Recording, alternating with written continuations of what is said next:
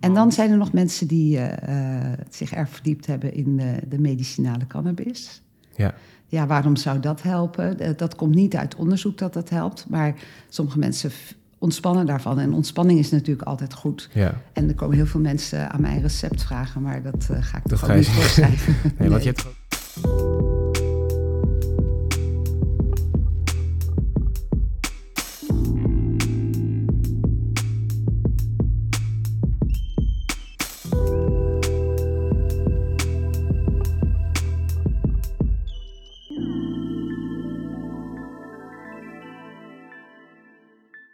Hallo en welkom bij de Stresscast. Een podcast over stress, gemaakt door Maartje Sagers, Karsten de Roo, de rest van de 13e ondersgroep Biologie van de Universiteit Utrecht en mijzelf, Channing Huisman. In deze aflevering heb ik een gesprek met Jendé van Zebe, een rheumatoloog in het Franciscus ziekenhuis in Rotterdam. Zij heeft meer dan 30 jaar werkervaring en heeft in haar werk veel te maken met stressgerelateerde klachten. We zullen meerdere onderwerpen bespreken, zoals hoe stress zich kan uiten en hoe in het ziekenhuis wordt omgegaan met stressgerelateerde klachten. Oké, ben je ready? Daar gaan we. Welkom iedereen bij de Stresscast. Eh, hier bij mij zit eh Jendé van Zebe. Eh, hoe is het Jendé?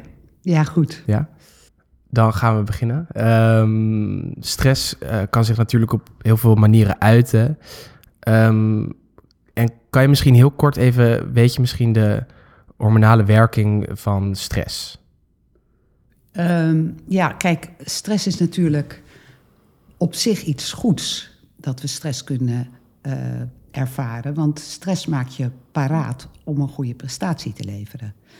Ehm, dat gaat, eh, acute stress, dat wordt vooral veroorzaakt door het hormoon adrenaline. En dan maak je paraat dat het bloed naar de goede organen gaat, even weg uit je spijsverteringssysteem. Het maakt je spieren actief en je hartslag gaat omhoog, waardoor je adequaat kan reageren. Ja.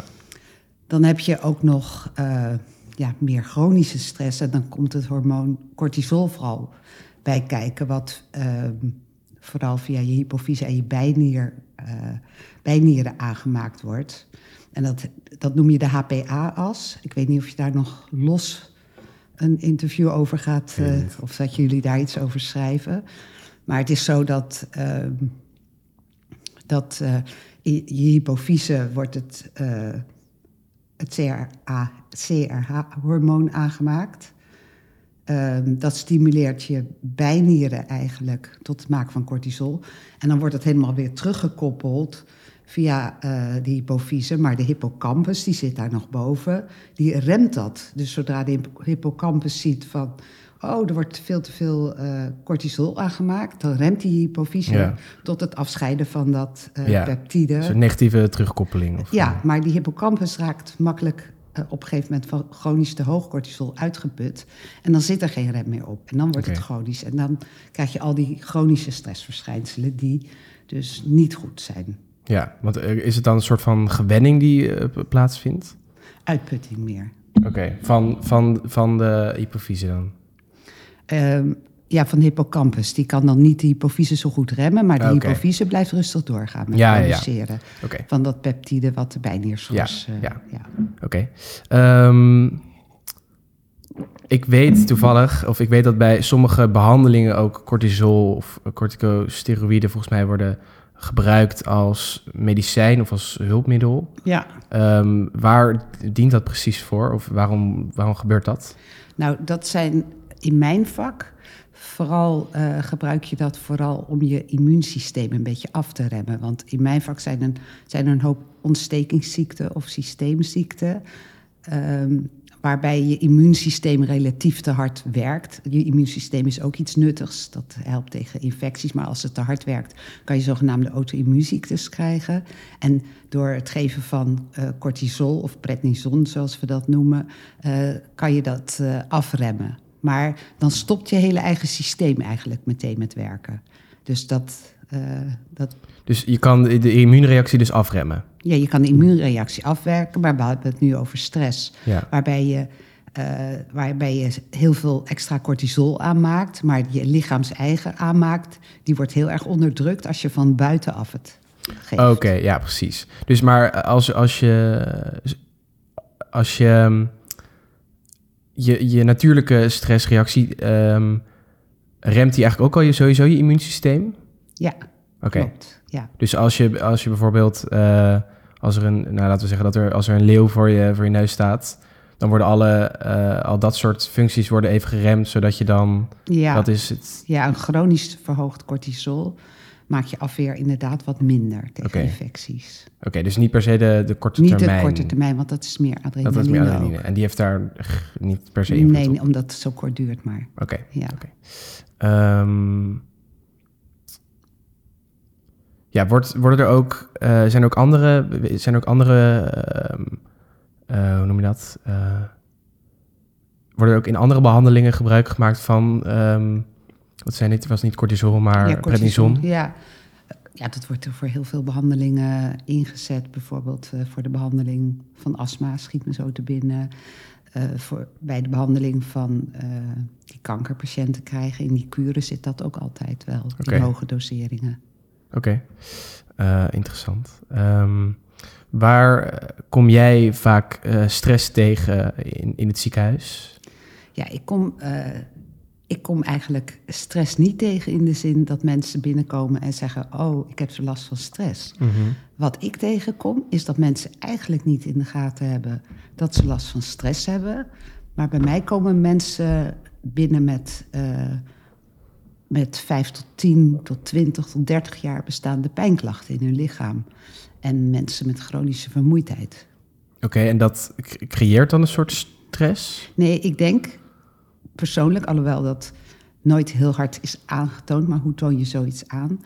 Ik denk dat die klachten, of men denkt dat die klachten eh, door stress ontstaan. Want kijk, als je, heel, als je het heel simpel wil zeggen, dan eh, door een chronische stress, door stress spannen je spieren aan. Door een chronische stressreactie eh, spannen je spieren misschien onbewust altijd net een beetje te veel aan. Ja. Ehm, da- dan kan je je voorstellen ehm, dat die spieren, die normaliter pak je iets op en dan spant je spier aan en dan leg je het neer en dan ontspant die spier, kan die even Ja. bijkomen. Maar als je spieren relatief altijd iets te gespannen zijn, dan gaan ze een soort uitputtingsverschijnselen vertonen alsof je de marathon eh, loopt. Ja. Ehm, en dan gaan ze pijn doen en gaan met name ook de spieraanhechtingen pijn doen. Je ziet heel veel mensen dan ja, met, met tenniselleboogachtige klachten, RSI-klachten. Ja. Maar die pijnpunten, dat noem ik tender points, die kan je door je hele lichaam kan je die aantrekken. En dat heeft allemaal met die te gespannen spieren te maken. Oké.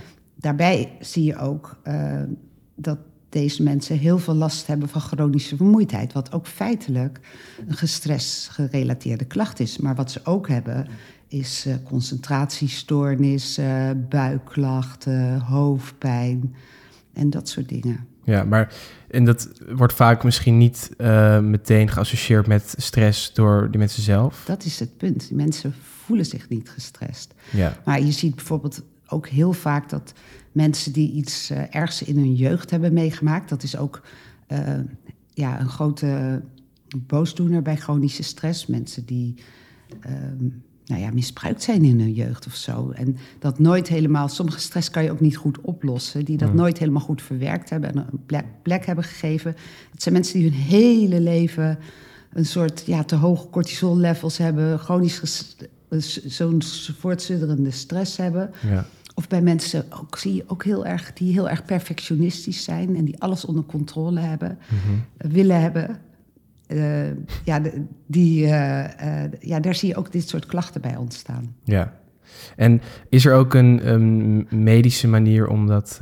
Nou, Ja, en wat ook, wat ook echt is aangetoond als je bijvoorbeeld bij soldaten, ja? ehm, als je een jonge vent zoals jij iedere nacht een aantal keren zijn bed uithaalt Ja. en niet goed laat slapen bijvoorbeeld, wat ook heel belangrijk is hè, bij stress, is dat je, eh, als je, dat je goed slaapt. Dat voorkomt ook stress.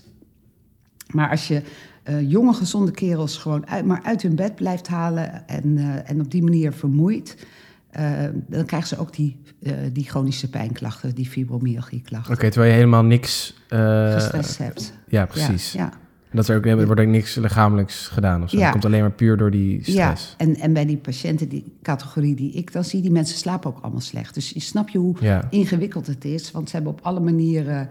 eh, en, en door de chronische pijnklachten gaan die mensen minder bewegen. En bewegen is heel erg belangrijk om stress dan weer op te lossen. Ja, ja precies. Eh, want ik heb ook vaak het gevoel dat als bijvoorbeeld mensen slecht slapen of ze hebben hoofdpijn of er zijn meerdere klachten die waarvan jij nu zegt dat ze misschien bij nou ja, chronische stress horen, dat de mensen die heel vaak niet aan, eh, aan stress per se koppelen. Het is meer van, oh, ik slaap niet lekker, want Ja. of eh, ik heb, ik heb een hoofdpijn. ziekte, ik heb kanker, of mensen snappen dat niet. ja, Dat hun lichaam zoveel klachten kan geven. ja. En die willen altijd een eh, medische oorzaak, of een, eh, een MRI-scan, of, Mhm. eh, waar je het allemaal niet op kan zien. Ja. Want en, en waar eh, kan je dat, kan je dat dan wel zien? Kan je, dat, kan je het meten door eh, bloed eh, bijvoorbeeld? Of waar? Nee, het is eigenlijk, hebben die eh, chronische stressgerelateerde klachten, zien er altijd hetzelfde uit. Ehm, het is altijd met vermoeidheid en, en pijn. Ehm, en wat je ook doet, is natuurlijk wel even goed kijken of er geen eh, somatische, geen lichamelijke oorzaak voor is te vinden. Dus je doet altijd standaard doe je een bloedonderzoek, maar dat is niet omdat je dit kan aantonen. Dus dat- is om andere ziektes uit te sluiten. En dat zou ook de reden zijn dat je wel eens een foto maakt. Ja, ja, ja Omdat om de andere dingen... Ja, echt somatische aandoeningen natuurlijk wel ook dit soort klachten kunnen geven. Ja, oké, snap ik.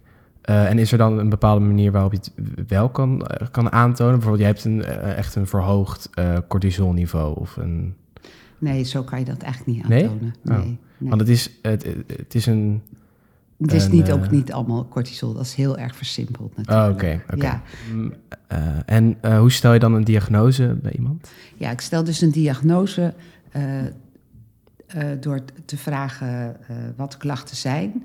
En, ehm, en, en ook te vragen van, eh, het zijn al die klachten zoals eh, pijn, chronische vermoeidheid, concentratiestoornissen. mensen altijd buikpijn hebben. Eh, en dan is het vaak ja, jaren aan de gang. Dus de langdurigheid speelt een, eh, een- grote rol. Eh, ik vind eigenlijk bij lichamelijk onderzoek geen afwijkingen. Behalve dan dat op alle spieraanhechtingen waar ik druk mensen extreem veel pijn aan geven. Bij jou zou het ook gevoelig zijn, maar deze mensen die gillen het uit van de Mhm. pijn. oké. Dan doe ik een bloedonderzoek om, om bepaalde aandoeningen, zoals schildklieraandoeningen, er makkelijk uit eh, te halen. Maar Ja. ik maak bijna nooit mee dat daar iets uitkomt. Eigenlijk nooit. En dan zo nodig nog een aanvullende beeldvormend onderzoek. Ja, want ehm, mensen met die misschien eh, inderdaad wat je zegt bij die eh, pijnpunten, eh, die komen neem ik aan ook wel vaak naar jou toe, omdat je reumatoloog bent. Nou, zeg Toch? maar van, van de nieuwe patiënten. Stel, ik zie tien nieuwe patiënten in de week.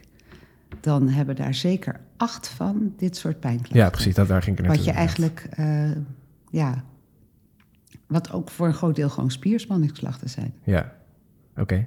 Interessant, dat is, dat is wel echt meer dan ik verwachtte. Ja, toch? ja, veel meer. Ja. En dan, wa- wat, eh, wat raad je die mensen dan aan om te doen? Of? Nou, daar hebben we eigenlijk een, eh, een eh, programma voor. Want wat die mensen moeten aanleren is om de balans tussen de belasting en hun belastbaarheid, om die te herstellen. Ehm, in het ergste geval ligt iemand al drie jaar op de bank. Vanwege de chronische pijn en de chronische Oh. vermoeidheid. En op een of andere manier moet je, die, eh, moet je dat zien te verbeteren. Door eh, mensen bewust daarvan te maken. Nou, als, als, als jij even in zo'n situatie terecht zou komen, dan zou ik je met één gesprek, dat doet de reumaconsulent voor mij, want die neemt er echt even de tijd voor. Mhm. En dan als het kort bestaat en je bent student, dan kan je eh, vaak eh, met een goed gesprek kunnen mensen zelf inzicht krijgen en hun zelfmanagement vergroten. Ja, En dan lost het zich wel op. Dan ga je meer sporten en dan probeer, dan kan je zelf die balans veranderen. Ja. Maar dat zijn nou niet per se de mensen die ik zie. De mensen die ik zie zijn natuurlijk helemaal vastgelopen. En die hebben ook een omgeving, een echtgenoot, bijvoorbeeld, die dat ook helemaal zo gewend is. Ja. heeft die persoon, die patiënt, al alles uit handen genomen.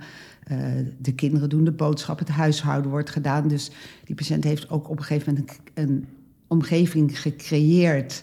eh, onbewust allemaal. Hè. Het is nooit iemand zijn Ja, schuld, ja. maar waardoor er van allerlei dingen worden gedaan. Waar, en, en er is vaak verlies van werk of, of ja, niet willen werken, niet meer willen werken. Want het zijn misschien ook niet mensen met de allerleukste banen die dit soort klachten krijgen. En dat kan je eigenlijk, eigenlijk alleen maar eh, doorbreken met een multidisciplinair eh, programma. En dan, moet, eh, ja, dan moeten mensen anders tegen pijn gaan aankijken. Er wordt vaak cognitieve gedragstherapie ingezet. En mensen moeten gaan bewegen, maar dat moet dan wel weer stapje, Ja, stapje voor stapje worden opgebouwd. En daar heb je een diverse revalidatiecentra voor waar ik die mensen dan naartoe Oké. kan sturen. maar en dat is dus allemaal eh, in principe om eigenlijk om je stress te verlagen, zodat al die andere klachten dus ook weggaan. Ja. Of, Ja, en je gedrag te veranderen. hè, Want eh, stress uit, eh, uitzicht natuurlijk eh, lichamelijk. Eh, het uitzicht psychisch, hè, door ook gebrek aan initiatief en dat Ja. soort dingen. En ehm, ja, en neerslachtige gevoelens en eh, verandering van je zelfbeeld. Maar het uitzicht ook in gedrag zoals isoleren en, en, eh, en, en niet meer actief willen zijn. ja, De mensen zeggen allemaal, ja, ik kan wel gaan bewegen, maar ja, dan is het morgen eh, heb ik nog meer pijn. En Ja. dus die, die zijn ook angstig geworden. Om, ja, die, die kunnen bijvoorbeeld ja, niet eens buigen. En dan zie ik wel dat de bewegelijkheid, want ik meet altijd de bewegelijkheid van de wervelkolom in het onderste stukje.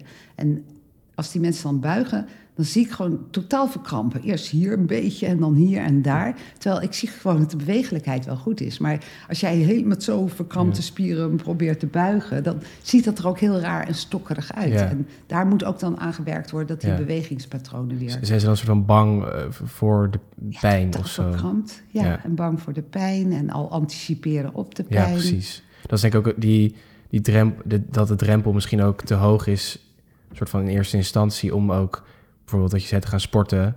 Ja, Omdat het op het begin, op begin of misschien dat ze denken dat het heel veel pijn doet, dat het ook best wel veel pijn doet. Ja. Dat eh, weet ik niet zo goed. ja. Eh, dat het gewoon die drempel gewoon te hoog is. En mensen eh, wordt altijd geleerd dat als iets pijn doet, dat je, Moet je niet- stoppen. dat je moet stoppen. Ja. En dat is dus niet altijd zo. En dat is niet altijd zo. Soms moet je toch een beetje door de pijn heen. Ja. En is er dus ook, is er ook een eh, manier om dat met medicijnen eh, is, eh, invloed Ja. op te hebben? Ehm, nou, daar is heel veel onderzoek naar gedaan. Maar tot nu toe is er eigenlijk nooit iets goeds uitgekomen. Een heel tijdje geleden, toen waren er wat onderzoeken waaruit bleek dat ehm, behandeling met een antidepressivum in een lage dosering kan helpen. Want dan kan je al een beetje, dat heet amitriptyline, dan kan je al een beetje de slaap mee verbeteren en misschien een beetje de, eh, eh, de, de, de negatieve eh, gevoelens mee verbeteren. Ja. Het kan mensen iets minder schelen allemaal. En op een gegeven moment hebben we dat wel een poosje voorgeschreven, maar uiteindelijk bleek het zo weinig effectief eh, dat we daar eigenlijk allemaal weer mee gestopt zijn. Oh. Ehm, je kan eh, pijnstillers innemen, zoals paracetamol en NSAID. Ik schrijf niet eens meer voor, want het helpt nooit. Oh. Mensen komen ook allemaal al bij mij vertellen dat dat allemaal niet Ja, helpt. Nou, dan zijn er natuurlijk een aantal mensen die hebben al via de huisarts oxycodon en dat soort dingen gekregen. Maar dat kan je allemaal mee stoppen, het helpt niet. Want anders, wat is dat? dat is morfine. Oké. Ja, Dat helpt ook allemaal niet. nee, en nee, Want dat helpt de- allemaal niet. En dan zijn er nog mensen die eh, eh, zich erg verdiept hebben in de, de medicinale cannabis. Ja. Ja, waarom zou dat helpen? Eh, Dat komt niet uit onderzoek dat dat helpt, maar sommige mensen ontspannen daarvan. En ontspanning is natuurlijk altijd goed. Ja. En er komen heel veel mensen aan mijn recept vragen, maar dat eh, ga ik Dat toch niet voorschrijven. Nee, want je hebt toch ook ik kan het gewoon eh, gaan halen zelf. Ja. Ja.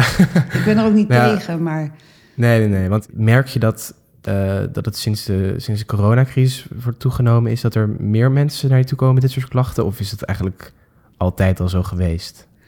ehm, nou, deze klacht eh, die bestaat al eh, sinds ik werk. Ja. Ehm, en dat is heel lang.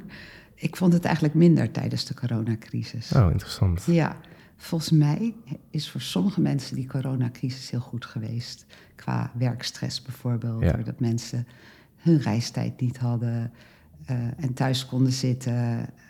Ehm, ja, misschien net iets minder belast zijn. Ja. Dus ik vond dat ik het wat minder vaak eh, zag. Interessant. Want je hoort Ja. eh, vaak natuurlijk in de, of in de media of eh, ja, hoor je vaak dat, dat het juist nu veel erger is. Ja, Ehm, maar goed, de coronacrisis was twee jaar. Mensen die bij mij komen hebben al jaren vaak eh, klachten. ja, oké. dus ze komen Ja. niet bij het eerste eh mikmakje naar jou toe. Nee, Nee. Wat wel grappig is, is wat je nu krijgt, is zijn uit, vanuit de coronacrisis zijn mensen die long-covid hebben. En weet je wat long-covid is? Wat ze daarmee bedoelen?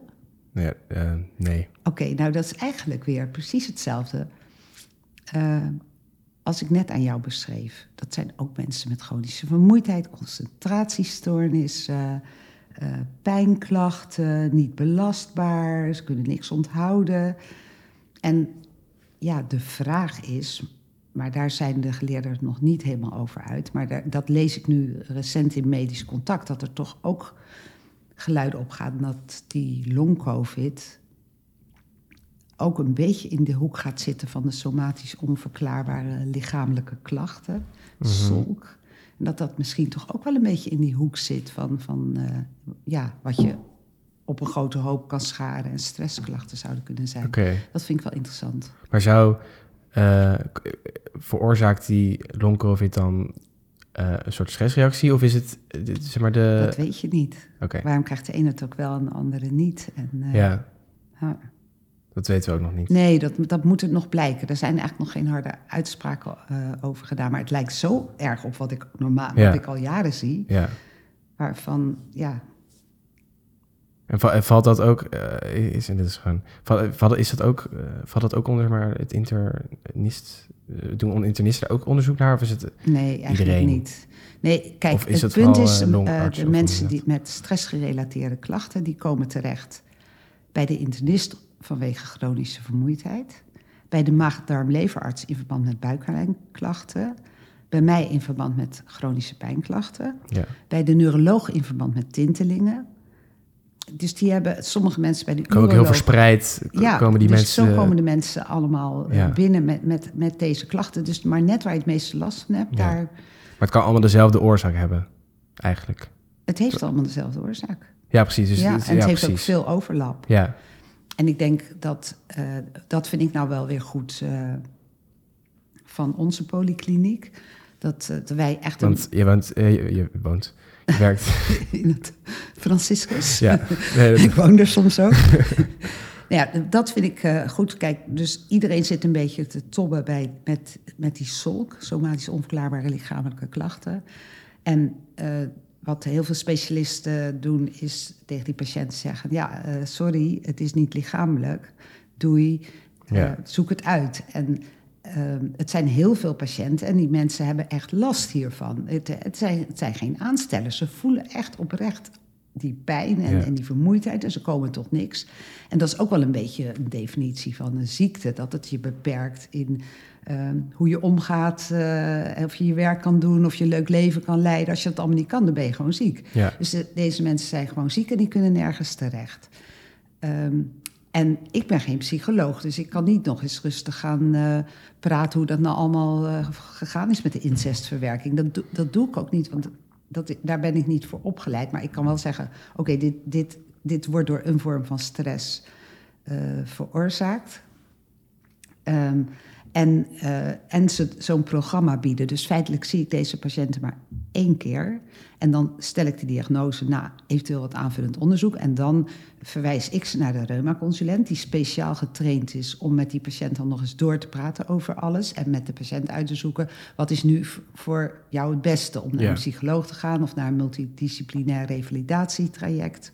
om het op de rails te zetten. Ja. En motivatie speelt van de patiënt zelf speelt daar een hele grote eh, rol bij. Ja, maar en, eh, want je zegt nu dat het bij de reumaconsulent, maar we hadden het net ook over eh, dat het mensen met dit soort, met chronische stressklachten ook bij neuroloog Ja. of bij de internist Die doen of daar bij... niks mee. Daar is niet... Nee, Oké, nee, die doen daar niks mee. En daarvoor zitten we nu wel een beetje in de regio te kijken om gewoon voor, al, voor alle patiënten die overal binnenkomen een programma te kunnen maken. Maar heel Ja. veel mensen worden gewoon onverricht ter zake naar huis gestuurd van nou, het is niet lichamelijk, eh, we hebben geen kanker gevonden, eh, groeten. En, Ja. eh, Dus er, eigenlijk zou er een soort centraal...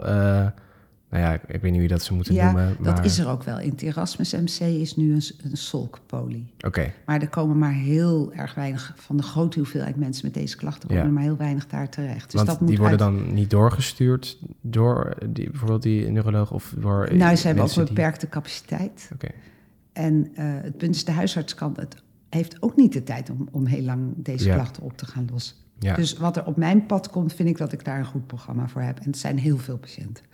oké. Want eh, je zegt inderdaad ook eerder van eh, bewegen of sporten, dat helpt gewoon heel erg, Ja, toch? ja. Dus, en, maar is dat het enige wat, of nou het enige vast niet, maar eh, is dat het enige, nou ja, niet eh, medicijn gerelateerde ding wat je kan doen? Nee, niet het enige. Wat helpt ehm, naast bewegen, dan helpt hardlopen nog het allerbeste. Maar ook andere vormen van lichamelijke inspanning helpen. Wat ook heel goed helpt, is eh, om empathisch te zijn naar andere mensen toe. Dat eh, brengt ook een, eh, een stofje in je front- of zo? frontale kwap los. Wat de stress vermindert. En eh, dingen als naar muziek luisteren. dingen die je gelukkig maken. ja, Of- precies. Iets met, met vrienden. Ja. ja. Ja, oké. Eh, gewoon dingen doen die je leuk vindt, dus ontsp ja, ik zeg maar ontspannen. Maar dingen, het is ook heel makkelijk als je tegen iemand zegt die heel gestrest is, ga ontspannen, dan ik weet niet of dat meteen heel erg helpt. Nee, want mensen die kunnen helemaal niet Nee. ontspannen. Met, hele veel mensen weten ook niet eens Hoe dat moet. hoe dat moet. Zeg ontspan nou, ontspan nou uw been eens even. En dat kunnen ze dan gewoon niet. Ja. Oh ja, we hebben nog één eh, leuk rubriekje altijd, eh, wat Oké. we doen in de Stresscast. Dat is namelijk eh, de tip van de gast. En ik denk dat we, dat we deze ook misschien wel kunnen raden. Ehm, maar wat doe jij nou om te ontspannen en waarom? Ja, ik doe het liefst aan sport. Eh, en het allerliefste ga ik hardlopen met mijn allerbeste vriendin. Waarbij ik dan eh, het eh, bewegen kan combineren met een goed gesprek. En ik denk dat dat elkaar nog versterkt. Want aan het einde van het rondje heb je en lekker je hartslag omhoog gekregen. En je bent in de buitenlucht geweest. Je bent in een groene omgeving geweest, dat helpt. En je bent je ei kwijt. Je hebt aardige dingen te horen gekregen. Lekker kopje koffie. En eh, dat helpt mij door alles heen. Oké. Nou, eh, heel erg bedankt Jende voor, eh, voor dit interview. Ik vond het heel interessant. Ik hoop dat, dat jij het heel leuk vond. Ja, vond het heel leuk. Fijn, goed zo. Ik heb nog wel even over- door willen praten met je. Dat gaan we straks wel doen. Dus. Nee, ehm, heel erg bedankt. Ik vond het heel erg leuk.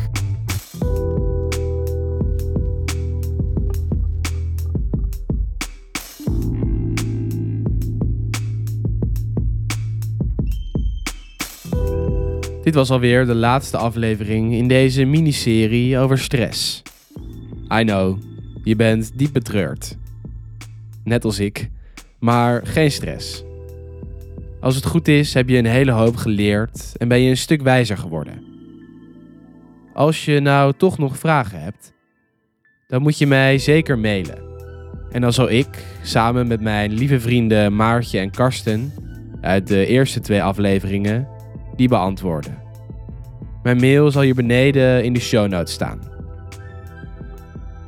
Dankjewel voor het luisteren naar de Stresscast. En onthoud, geen stress hè.